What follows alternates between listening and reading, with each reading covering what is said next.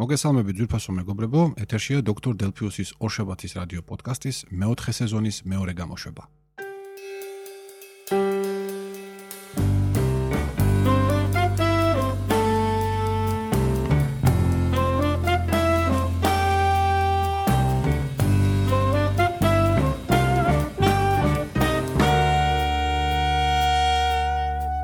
მაშასე საახალწლო კვირაც გათავდა, გაიარა, დასრულდა.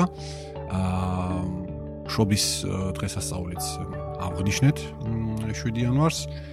ეს ისეთი დღეა, როდესაც კვირის შუა შუა წელში როცა გაჭედილი არასამუშაო დღე დასვენების დღე, მე ხო იცით ის კვირა რაღაც მაინც და მაინც სამუშაო განწყობისკენ არ გიბიზგებს ხოლმე.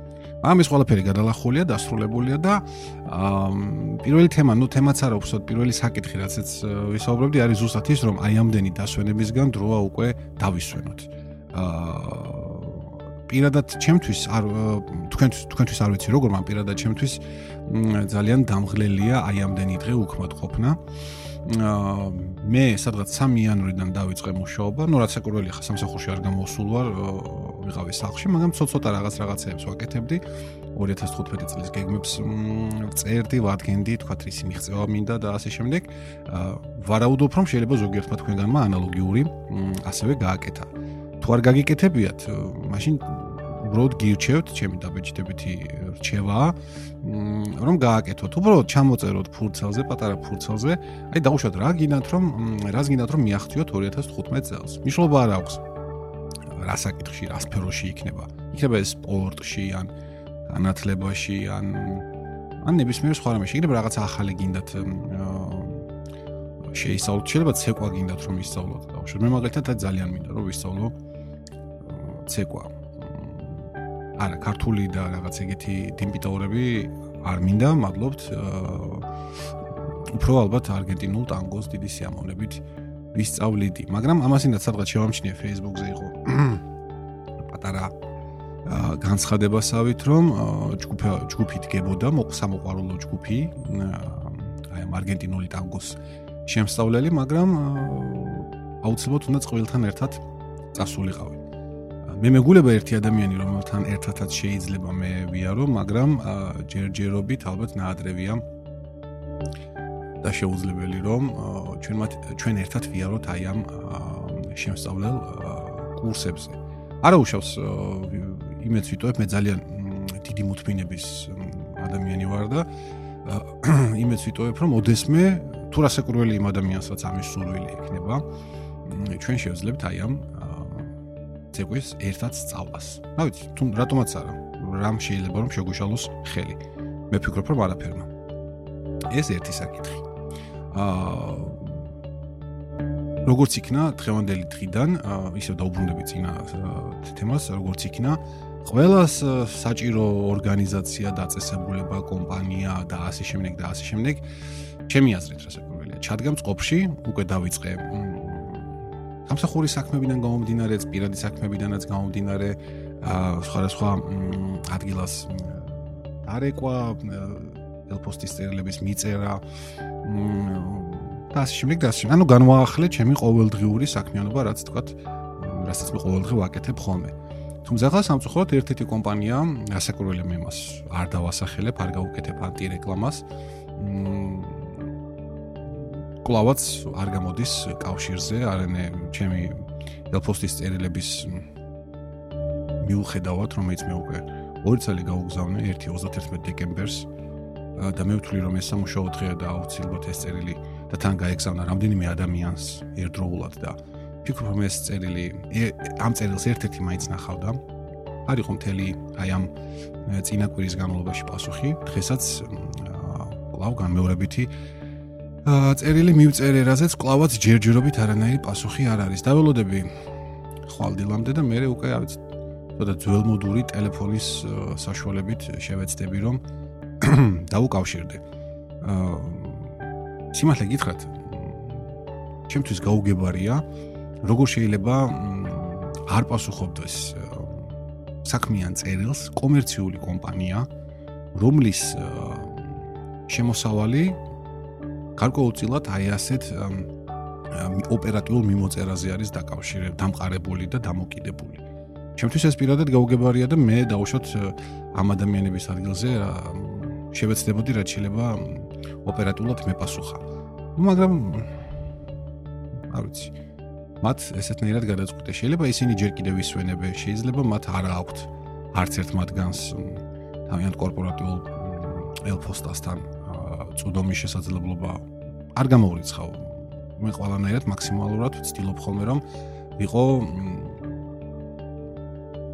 მათ მხარე მათ მხარე დავიჭირო იმ ადამიანისა რომელიც რაღაცას ჩემი შეიძლება ჩემი აზრით არასწორად აკეთებს ან არ აკეთებს მაგრამ მე ვცდილობ რომ გავუგო და ვიფიქრო რომ ნუ შეიძლება რაღაცა მოხდა ისეთი რთული მომენტი რის გამოც ეს ადამიანი ამის გაკეთებას ვერ ახერხებს მაგრამ ნუ თუ მე აღმოჩნდება რომ შეეძლო პასუხიც შეეძლო ქმედება ქმედების განხორციელებაც მე უკვე რა თქმა უნდა ცოტა იყოს და გაუგებარი რჩება ხოლმე. მოკეთ ეს ისე ყოველ შემთხვევაში პატარა აი უმარტივესი ბიზნეს რჩევა შეიძლება ნებისმიერ ალბათ ნებისმიერ კომერციულ და თუნდაც სახელმწიფო ორგანიზაციას აა უთხრას ადამიანმა ის რომ მეგობრებო, ბატონებო, ხალბატონებო 21 საუკუნეა ელფოსტა არის ერთ-ერთი მთავარი ხელსაწყო ურთიერთობისა კლიენტებსა და დამკვეთებს შორის და უპრიანი იქნება რომ ისარგებლოთ ამ კომუნიკაციის ამ საშუალებით, რაც შეიძლება აქტიურად და ოპერატიულად თავცეთ ერთმანეთს პასუხი. ეს ისე უბრალოდ ჩართული წინადადების სახით. აა შემდეგ ახლა ახალ წელს ხო იცით ძალიან ბევრი ადამიანი ცდილობს ნულიდან თუ არა რაღაც ახალი ათვლის წერტილიდან დაიწყოს თავისი ცხოვრება. მ შე შემთხვევაში ეს შეიძლება კარგიც იყოს, იმიტომ რომ გინდა უკან მოიტოვო ის რაღაც ცუდი რაღაცები, რაც თქვათ გასულ წელს ხდებოდა და განახლებული ძალებით დასვენებულმა დაიწყო ახალი საქმე, ახალი სამუშაო, ახალი ნებისმიერი რაიმე. მეც მახასიათებს ესეთი რაღაცა ყოველი ახალი წლიდან საქმის დაწყება სამწუხაროდ მახასიათებს ისიც რომ თქვა ყოველი ორშაბათიდან ვარჯიშის დაგეგმა რაც ჯერჯერობით ვერ განვახორციელე, მაგრამ იმეც ვიტოვებ რომ ერთ-ერთი ორშაბათი აუცილებლად აუცილებლად გახდება ის ორშაბათი, რომელიც მართლა იქნება ამ ამ საქმის ათვლის წერტილი. მაგრამ ორშაბათებს ახლა თავი დავანებოთ, მაგაზე შეიძლება სხვა დროს ვისაუბროთ. აა წელს მე გადავწყვიტე იანვრის პირველ რიცხვებში რომ ერთი არაფერი საქმე არ მაქვს, სახში ვზივარ. უყურებ ფილმებს ან მოდიან სტუმრები ან მეც გავდივარ, მაგრამ ეს ეს ხო არ არის 24 საათიანი. ამიტომაც იმ თავისუფალ დროს, როდესაც ამ რაღაცებს არ ვაკეთებდი, გადაწყვიტე გადამეინსტალირებინი ყველა ჩემი ელექტრონული მოწყობილობა. რაც რა თქმა უნდა დიდი წარმატებით განვახორციელე. საქმე ეხებოდა როგორც ნოუთბუქს, ასევე ტაბლეტს და ასევე ტელეფონსაც.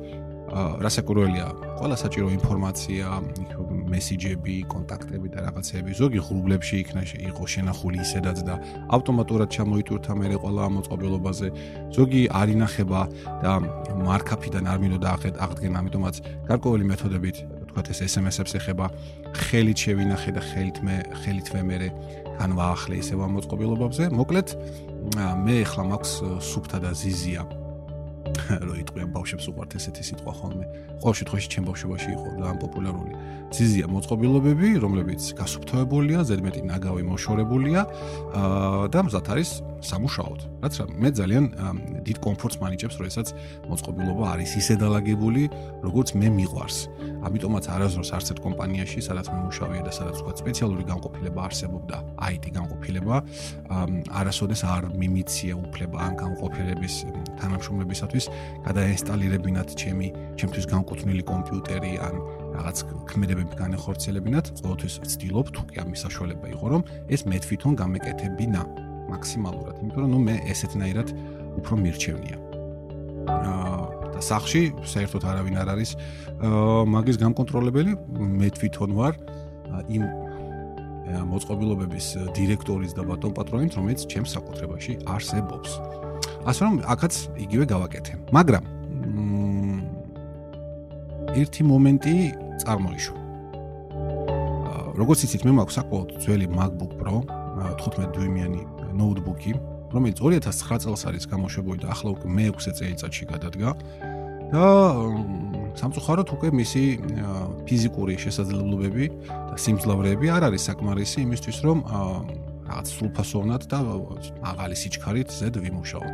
ანუ ნელ-ნელა ნელ-ნელა საოპერაციო სისტემების ახალი ვერსიების გამოსვლასთან ერთად ჩვენი საყვარელი ნოუთბუქი კარგავს თავის ძველებურ, ასე ვთქვათ, სილამაზეს და სიამაყეს.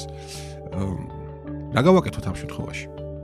ვარიანტი რა რომ შევიძინოთ რომელიმე PC ნოუთბუქი, რომელიც რამდენიმე ასეული ლარი შეიძლება ღირდეს, EAP ვარიანტების 300 300 ლარათაც არის, ჩემთვის მიუღებელია. იმიტომ რომ მე არ მჭირდება არაფერში PC კომპიუტერი. ერთადერთი ალბათ ამ ეტაპზე ჯერჯერობით PC ნოუთბუქი, რომელზეც შესაძლოა დავფიქრებულიყავი. თქო, Mac-ის ალტერნატივის შემთხვევაში და ეხლა ეს ეს ჩემი აზრია უდაოდ მოეწონებათ Microsoft-ის მოყარულებს, არის Surface Pro 3, რომელიც ერთ-ერთ ჩემს ამხანაკს აქვს, უკვე შეძენილი აქვს და სარგებლობს, ის ძალიან თავგამოდებული აწარბილელია Microsoft-ისტია. და მე მქონდა შესაძლებლობა ამ შემოდგომაზე მენახა ეს მოწყობილობა. მართლა ძალიან კომპაქტური, კარგად აწყობილი, კარგი ტექნიკური პარამეტრების მატარებელი ტაბლეტია უბრალოდ ეს ახლა ნოუთბუქს ვერ ვიტყვი ვინაიდან touch screen-იანი ეკრანი აქვს. 12 დიუმიანი თუ არ ვწდები. მაგრამ ორი რამე აქვს რაც მე არ მინუსად რასაც მე ჩაუთვლიდი და რის გამოც მე მას ამოწყობილობას ვერ შევიწე.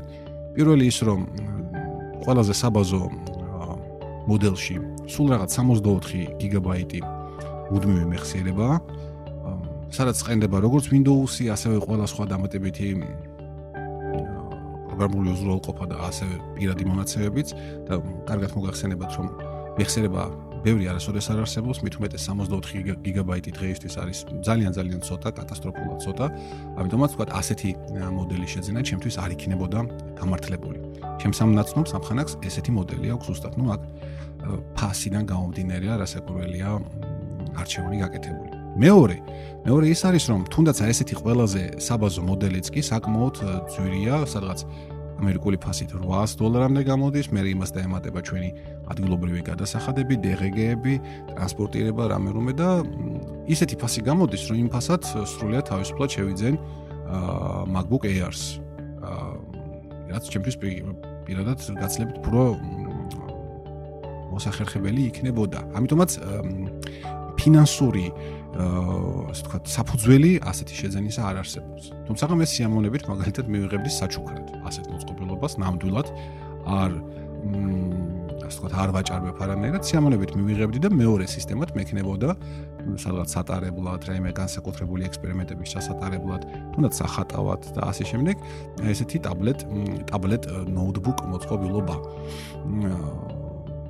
მაგრამ ნუ ჯერჯერობით როგორც ხედავთ, არავინ ამას არ ჩუქნის და სურვილი სურვილად რჩება. ეს კიდევ ერთი საკითხი. რაზეც მინდოდა მესაუბრე და სიმართლე გითხრათ, ეხლა ძაფი და მეკარგა იმ თხრობისა, საიდანაც დაიწყე ეს ყველაფერი. ამიტომაც ეხლა მე არ დავიწყებ არც ტვინის ჭლეტვას და თქვენს წვალებას, თუ საიდან წამოვიდა ეს ყველაფერი, ამიტომაც უბრალოდ დავანებებ თავს და კიდე ერთ თემაზე შევჩერდები, საკმაოდ სამწუხარო თემაზე, რაც გასულ კვირას მოხდა. მოხდა ის რომ ზოგადად ნებისმიერი ადამიანის გარდაცვალება ისედაც ტრაგედია. ჩემთვის პირადად მიუხედავად ასაკისა და მიუხედავად იმ ადამიან იმ ადამიანის პიროვნებიდან გამომდინარე. მაგრამ როდესაც ახალგაზრდა ადამიანი მიდის ცხოვრებიდან საუბარია 21 წლის ადამიანზე ეს ჩემ ასევე ჩემი პირადი მოსაზრებით 10 მაგად და 100 მაგად უფრო საშინელი დანაკარგი შეიძლება იყოს. და სწორედ აი ესეთი ამბავი მოხდა გასულ კვირას, უბრალოდ იანვრის პირველ რიცხვებში ჩემს მეგობარს უახლოესი ნათესავი გარდაეცვალა და ეღოპა, რომელიც ეს 21 წლის ახალგაზრდა ყმაწვილი იყო, ძალიან ჯამრთელი, ძალიან სპორტული, შეიძლება ასე ითქვას, და ესე უცაბედად უცაბედად მოხდა მისი ამ ქვეყნიდან წასვლა, რომ იტყვია. აა ვიყავით მისი მეგობრები, თანამშრომლები, კოლეგები სამძიმარზეც, დაკრძალვაზეც და მინდა გითხრათ, რომ ეს დღეები საკმაოდ საკმაოდ მძიმე იყო. გასაგები მიზეზების გამო, რა თქმა უნდა, ოჯახის წევრებისთვის ეს უმძიმესი დღეები იყო და კლავაც გაგრძელდება ძალიან ძალიან დიდი ხნის განმავლობაში, რა სეკურველია. მაგრამ ამასთან ერთად ჩვენთვისაც, ვინც იქ ვესწრებოდით, ასევე ძალიან ძნელი და მძიმე სანახავი იყო ის თუ რა ხდებოდა. და რაოდენ დიდი დანაკარგი განიცადა იმ ოჯახმა ამ ახალგაზრდა ადამიანის წასვლით ამ ქვეყნიდან. აა მე სამწუხაროდ პირადად არ ვიცნობდი მას, არ ქონდა არასდროს არანაირი შეხება და ვწუხარ რომ არ მომეცა ამის საშუალება არასდროს და ვერ ამი ამი ამის შემდეგ უკვე რა თქმა უნდა არც მექნება ამის შესაძლებლობა, მაგრამ ერთ ვიტყვი რომ ყოველთვის ყოველთვის შევეცდები და ვცდილობ ხოლმე რომ ასეთი უდროოდ წასული ადამიანების ხსოვნა ყოველთვის ჩემს მეხსიერებაში დარჩეს. და ყოველთვის შევეცადო თუნდაც რაღაცა ერთი პატარა სიტყვით გავიხსენო გარკვეულ სიტუაციებში. მესმის რომ ცოტა ძიმე და ვთქვათ სევდიანი თემა იყო, მაგრამ მე პირადად არ შემეძლო რომ არ შევხებოდი აღნიშნულ საკითხს. ეხლა ცოტა უფრო ცოტა უფრო სახალისო და ცოტა უფრო ისეთ თემას შევეხები. კვირის ბოლოს, გასული კვირის ბოლოს, ანუ ეს იყო არასკევი დღე, მოხდა ძალიან სასწაული რაღაც. აა, ვიყავით სამსახურში, ყოველგვარი ქვენა აზრების გარეშე რო იტყვიან. აა, და უცებ აღმოჩნდა, რომ ერთ-ერთი პროექტი, რომელიც უნივერსიტეტში რაღაც გარკვეული პერიოდის განმავლობაში მიმდინარეობდა, დასრულდა და ამ პროექტის ხელმძღვანელმა უკან მოიტანა და ჩაგვაბარა გარკვეული კომპიუტერული ტექნიკა.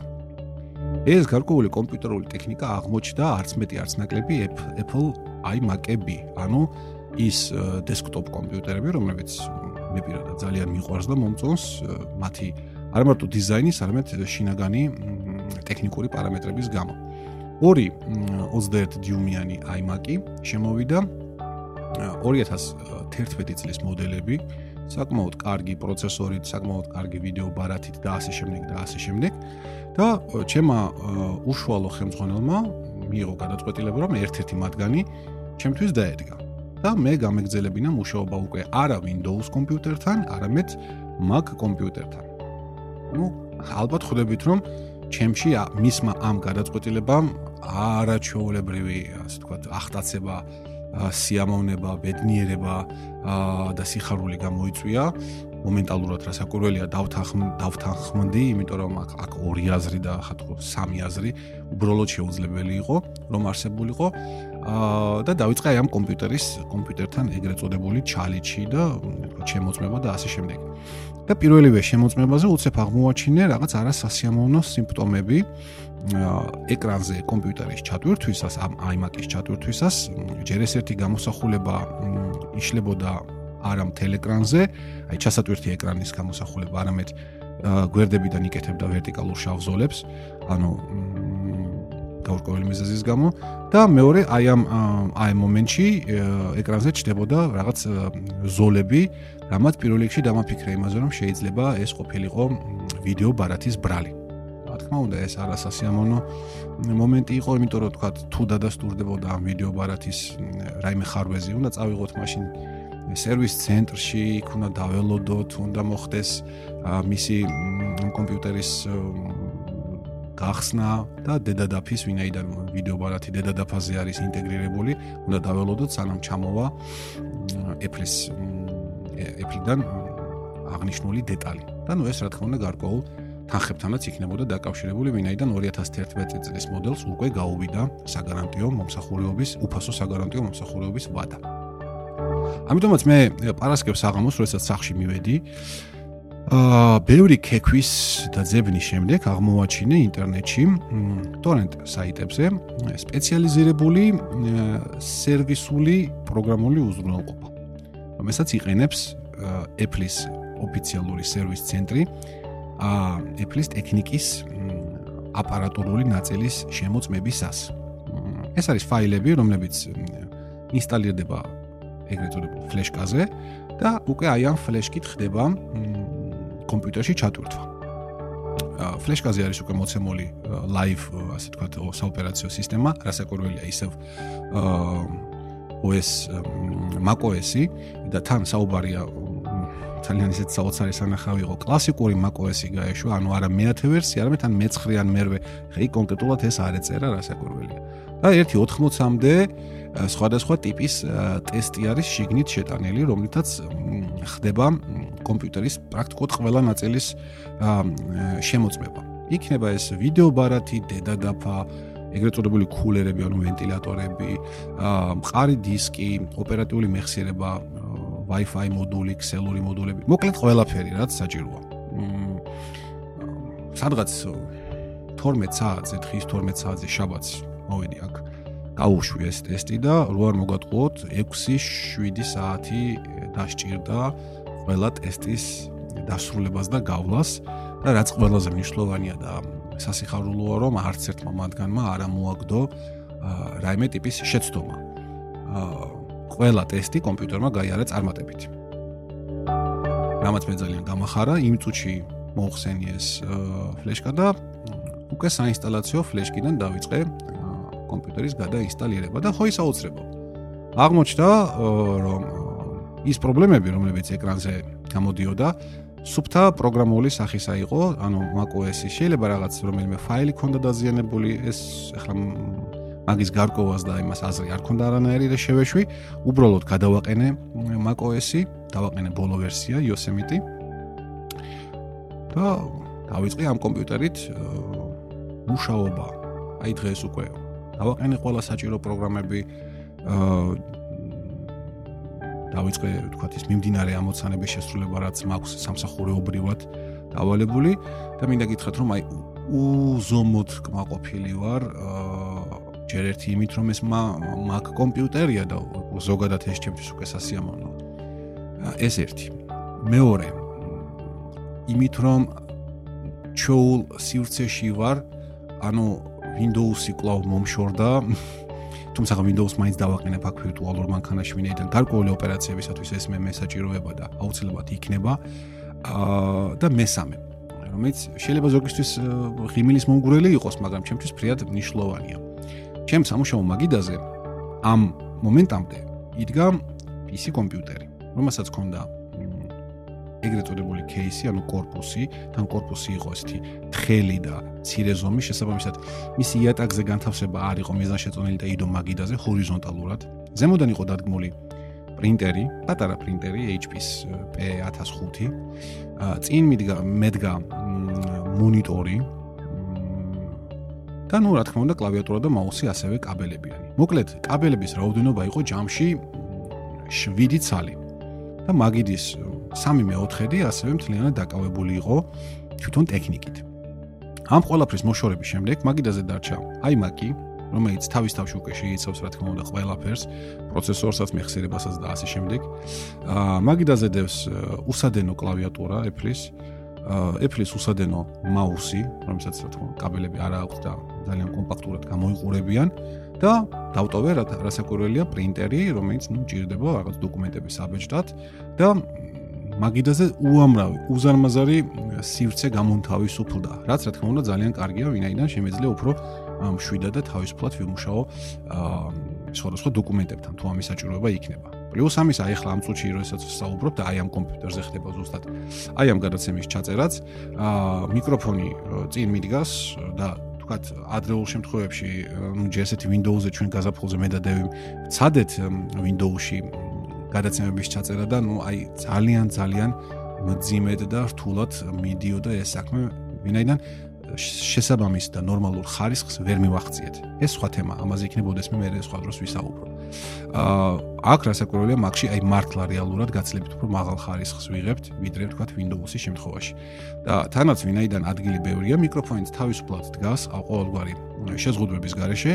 აა და ჩემთვის ძალიან მოსახერხებელია აი ამ სივრცეში მუშაობა. აი ეს კიდე რაც აუცილებლად მინდოდა მომეყოლა თქვენთვის, რაც გასულ კვირას მოხდა. ეხლა მოდი შევეხები რამდენიმე ისეთ საკითხს, რომელიც კონკრეტულ კვირასთან არ არის დაკავშირებული, არამედ რაღაც მოლოდინებს წარმოადგენს. მოლოდინებს წარმოადგენს ის, რომ არ ვიცი, ალბათ ბევრ თქვენგანს ჩემსავით ეყარება თანამედროვე ამერიკული სერიალების ყურება. აა ბოლო 1-2 წელია მე საკმაოდ ისე სერიოზულად ვიტყვი შევჯექი აი ამ გასართობზე. და ბევრი ძალიან კარგი სერიალი ვნახე. და ერთ-ერთი ამ სერიალთაგანი რომელიც მე ძალიან ძალიან მომწონს არის House of Cards. პოლიტიკური შეიძლება ითქვას სერიალია ვინაიდან ამერიკის შეერთებული შტატების სენატთან, კონგრესთან, პრეზიდენტთან არის დაკავშირებული, იქ არის უამრავი ჩახლართული სიტუაცია. თამაშობს, არაჩვეულებრივად თამაშობს მთავარ როლში კევინ სპეისი და მოკეთ პირველი ორი სეზონი გამოსულია და ნანახი მაქვს და აი ახლა სულ მალე ჩვენ ვიხილავთ აი ამ სერიალის მესამე სეზონსაც, რაც მე ძალიან ძალიან מחარებს. და გეტყვით რომ თუ ჯერ ჯერ კიდევ არ გაქვთ ნანახი ეს სერიალი House of Cards. დაბეჭდებით გირჩევთ რომ აუცილებლად ნახოთ ვინაიდან ძალიან მაღალ ხარისხოვანი ძალიან კარგად გადაღებული სერიალია. ეს ერთი სერიალი რომელზეც მინდოდა ჩემი აზრი მე თქვა თქვენთვის. და მეორე რომელიც ასევე ძალიან მომწონს და მიყვარს ეს არის ინგლისური BBC-ს მიერ გადაღებული Sherlock-ი Sherlock Holmes-ის თავგადასავლებზე თითქმის დარწმუნებული ვარ რომ თქვენს უმეტესობას ეს სერიალი ალბათ ნანახი ექნება. მ მოქმედება ვითარდება თანამედროვე ლონდონში.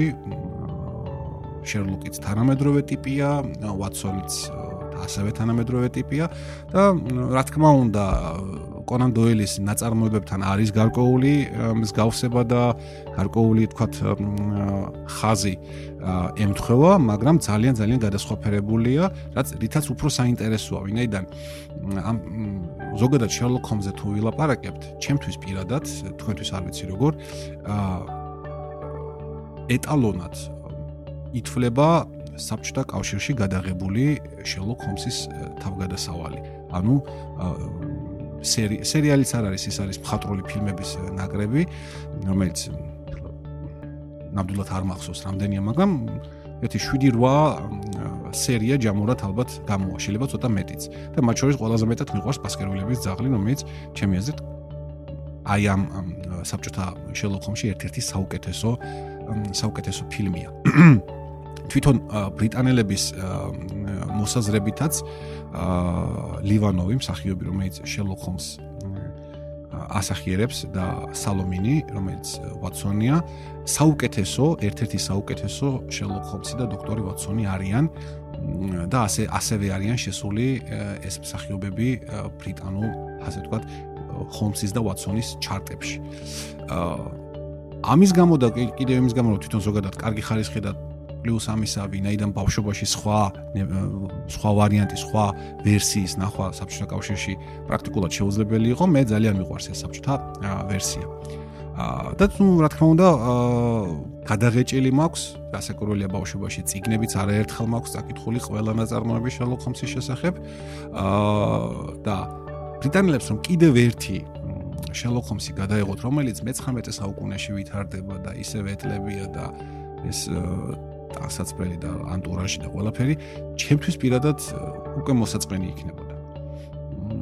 და აი უკვე თანამედროვე სიტუაციაში მოქმედება რაც არა ხშირად ხდება ხოლმე თქვა ნაწარმოებების გადააზრების შემთხვევაში აი ესე მაგალითად ოტელოც არის თუ არ ვცდები გადაღებული ვთქვათ, შექსპირის სხვა ნაწარმოებებიც ასევე არის გადაღებული და ეხლა ეს ჩემი SMS-ები არ მაცლის, რომ ნორმალურად ვისაუბრო, მაგრამ ამას არ აქვს არსებითი მნიშვნელობა, შევიდეს ჩანაწერში როგორც არის. და მე მომწონს ზოგადად, რომ როდესაც ძველ რამდენიმე ასეული წლის წინადელ ნაწარმოების თანამედროვე სიტუაციაში, თანამედროვე ვითარებაში გადმოტანა ხდება და მისი შესაბამისი ინტერპრეტაცია. მოკლედ, შერლოკი არის ძალიან კარგი სერიალი. თუ არის თუ მოხდა სასწაული და ამ პოდკასტის მსმენელთა შორის ხართ ისეთები, ვისაც ჯერ არ გაქვთ ნანახი, გილოცავთ, თქვენ გელოდებათ უდიდესი სიამოვნება. აა თითქმის ყველა ქართულ პორტალზე, რომლებიც სადაც შესაძლებელია ფილმების ყურება, დევს ეს სერიალი თითო სეზონში. აა სამი სერია, ესეთი პატარ მოკლე, მაგრამ თითო თითო სერია საათ საათიანი და მეტიც არის. ასე სამი სეზონია გამოსული, 9 სერია არის და შეგიძლიათ დასხდეთ და დიდი სიამოვნებით უყუროთ აღნიშნულ სერიალს. ასევე გირჩევთ კლავ House of Cards-ის ყურებას. მეგობრებო, ჯერ ძველ სერიებს უყურეთ და მე დაელოდეთ არც თუ ისე დიდი ხნის შემდეგ ცოტა არც თუ ისე აა ასე ვთქვათ შორიახლოა ის დრო, როდესაც ამ სერიალის მესამე სეზონიც გამოვა. აა კიდევ ერთი თემა პერსპექტივებთან რაც არის დაკავშირებული. გასულ კვირას ჩვენ აი ესე დავგეგმეთ, უბრალოდ დაგეგმა შეიძლება ცოტა ისეთი ნათქვამია. ცოტა სპონტანურიც იყო, მაგრამ ყოველ შემთხვევაში დიდი ხანი ამაზე ნაფიქრი იყო, რომ ჩვენ გავგეკეთებინა მედატევის ჩვენი ტექნოლოგიკის გადაცემის ბრენდირებული არხი My Video G-ზე. ხო და აუდეკით და გავაკეთეთ კიდეც. აა რამდენადაც ჩემთვის ცნობილია My Video G ყოველთვის მიესალმება ორიგინალი შიქთავსის მქონე აა ვთქვათ ვიდეოს ფაილების დასშენეკ განთავსებას თავის საკუთარ სერვერზე. რასაც მე ასევე ანალოგიურად მივესალმები. დაუკავშირდით My Videos, აუხსენით სიტუაცია, მოუყევით თუ ვინა ვართ, რას წარმოადგენთ, აჩვენეთ ჩვენი გადაცემების ფორმულები მოვასმენინეთ, ვაყურებინეთ. მათ საკმაოდ მოეწონათ ეს ყველაფერი და მართლაც ძალიან ძალიან კარგად დაგვეხმარნენ იმისათვის, რომ უსწრაფესად ეს ბრენდირებული არხი შექმნილიყო. ასე რომ თქვენ სრულიად თავისუფლად შეგიძლიათ შეხვიდეთ მისამართზე myvideo.g დახრელი ხაზი technologic და იხილოთ აი ამ ძალიან საინტერესო გადაცემის ვიდეო ჩანაწერები. შეგახსენებთ რომ გადაცემა იწერება ყოველ პარასკევს და პარასკევს საღამოს უკვე აუდიო ვერსია iTunes პოდკასტების განყოფილებაში განთავსებულია და თქვენ შეგიძლიათ საიტზე უსმინოთ ან პოდკასტის პროგრამის საშუალებით გადმოიწოროთ თქვენს მობილურ მოწყობილობაში და იქ უსმინოთ თუ არა და შაბათ ან კვირა დღის განმავლობაში მას შემდეგ რაც დევი დაამონტაჟებს ამ ვიდეოს, დაადებს იქ სპეციფექტებს, ტიტრებს და ასე შემდეგ და ასე შემდეგ, ვიდეო აიტვირთება ყოველთვის ამიერიდან my video GZ, ჩვენს ბრენდირებულ არხზე. და მე ძალიან მიხარია, იქ უკვე არის რამდენიმე ხელმომწერი, უკვე არის რამდენიმე ასეული ნახვა, შეიძლება ახლა ეს სხვა ჩვენზე გაცლებთ უფრო პოპულარული გადაცემები თან გადაცემების მონაცემებთან არაფერი ისეთი არ არის, მაგრამ კარგი საწყისი ჩაეყარა, კაი საფუძველი ჩაეყარა ჩვენი ბრენდის, ჩვენი კომპანიის Medius-ის განვითარებას. შეგახსენებთ კიდევ ერთხელ, რომ კომპანია Medius-ი, რომელსაც წარმოადგენთ ჯერჯერობით ამ ეტაპზე მე და დევი და შემდგომში შეიძლება სხვა ადამიანები შემოგვიერთდნენ და რაც ჩვენ რა თქმა უნდა ძალიან გაგვეხარდება. აა საქართველოსი ეწევა თანამედროვე ტექნოლოგიების და ტექნიკის შესახებ პოპულარული გადაცემების წარმოებას და ჩვენ ჩვენი პროდუქცია არის ზუსტად ეს ტექნოლოგიკა და შემდგომში აუცილებლად წლის განმავლობაში ჩვენ კიდევ რამდენიმე საინტერესო გადაცემას შემოგთავაზებთ. შეიძლება ის ტექნოლოგიებზე არ იყოს ტექნოლოგიებთან არ იყოს დაკავშირებული, მაგრამ ყოველ შემთხვევაში საინტერესო თემებთან იქნება ყოველთვის დაკავშირებული. და კიდევ ერთი პროექტი, რომელიც ჩემთვის ძალიან მნიშვნელოვანია და ძალიან სათუთია და რომელსაც უკვე აი მრავალი წელია. აა შეიძლება ითქვას მარტო ვაკეთებ, რაც აი ეს უკვე დასამამია ნამდვილად, ეს არის გემუგის პორტალი, საიტი, ანუ ესეთი მისამართით gemug.g და ვინც პირველად მისმენს, იმათ ვეტყვი რომ gemug-ი აბრევიატურაა და იშიფრება როგორც Georgian Mac User group, ანუ საქართველოსი მაკის მომხმარებელთა ჯგუფი. და ჩვენ ვცდილობთ, რომ აი ამ საიტის საშუალებით Facebook-ზე ჯგუფის და ჯგუფი არსებობს, რომელსაც ასევე გემოგიქვია, არსებობს Facebook page, რომელსაც დაბა კუპერტინო ქვია.